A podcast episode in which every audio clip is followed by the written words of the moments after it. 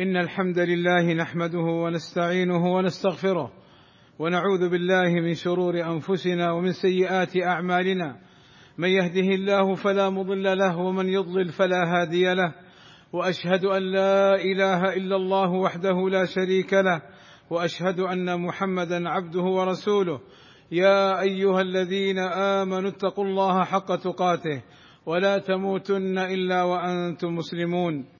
إن أصدق الكلام كلام الله وخير الهدى هدى محمد صلى الله عليه وسلم وشر الأمور محدثاتها وكل محدثة بدعة وكل بدعة ضلالة وكل ضلالة في النار. أما بعد فيقول سبحانه وتعالى في شأن الوضوء للصلاة يا أيها الذين آمنوا إذا قمتم إلى الصلاة فاغسلوا وجوهكم وأيديكم إلى المرافق وامسحوا برؤوسكم وأرجلكم إلى الكعبين.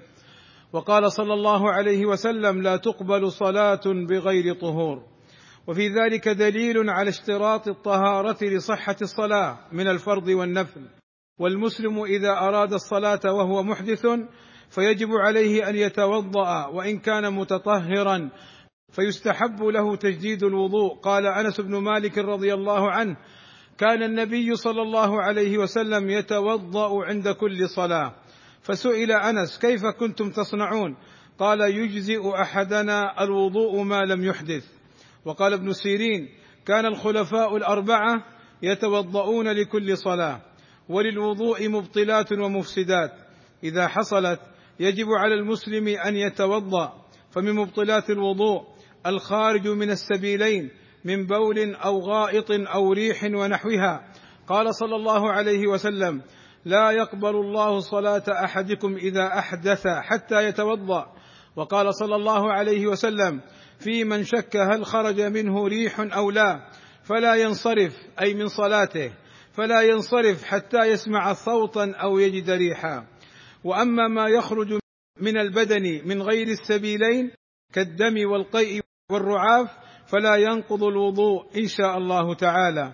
ومن مبطلات الوضوء زوال العقل كالجنون أو تغطيته بالنوم أو الإغماء ونحوهما. فمن زال عقله أو غطي بنوم ونحوه إلا النوم الخفيف اليسير الذي يشعر معه المسلم بما يخرج منه فإنه لا ينقض وضوءه. أما من زال عقله بإغماء أو تغطية فإنه ينقض الوضوء. ومن مبطلات الوضوء أكل لحم الإبل سواء كان قليلا أو كثيرا. سواء كان لحما صحيحا أو مفروما لصحة الحديث الوارد عن النبي صلى الله عليه وسلم.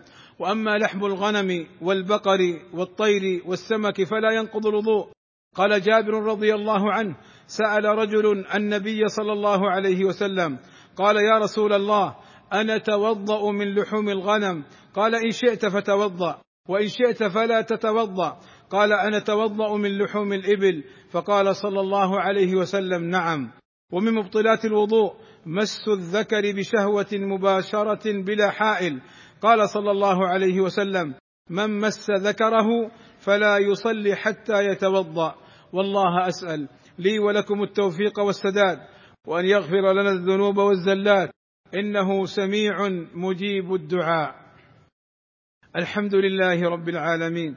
والصلاة والسلام على المبعوث رحمة للعالمين وعلى آله وصحبه أجمعين. عباد الله من تيقن الطهارة ثم شك هل بطل وضوءه أم لا فإنه يبقى على الطهارة والشك لا يبطل وضوءه. لقوله صلى الله عليه وسلم إذا وجد أحدكم في بطنه شيئا فأشكل عليه أخرج منه شيء أم لا فلا يخرج من المسجد.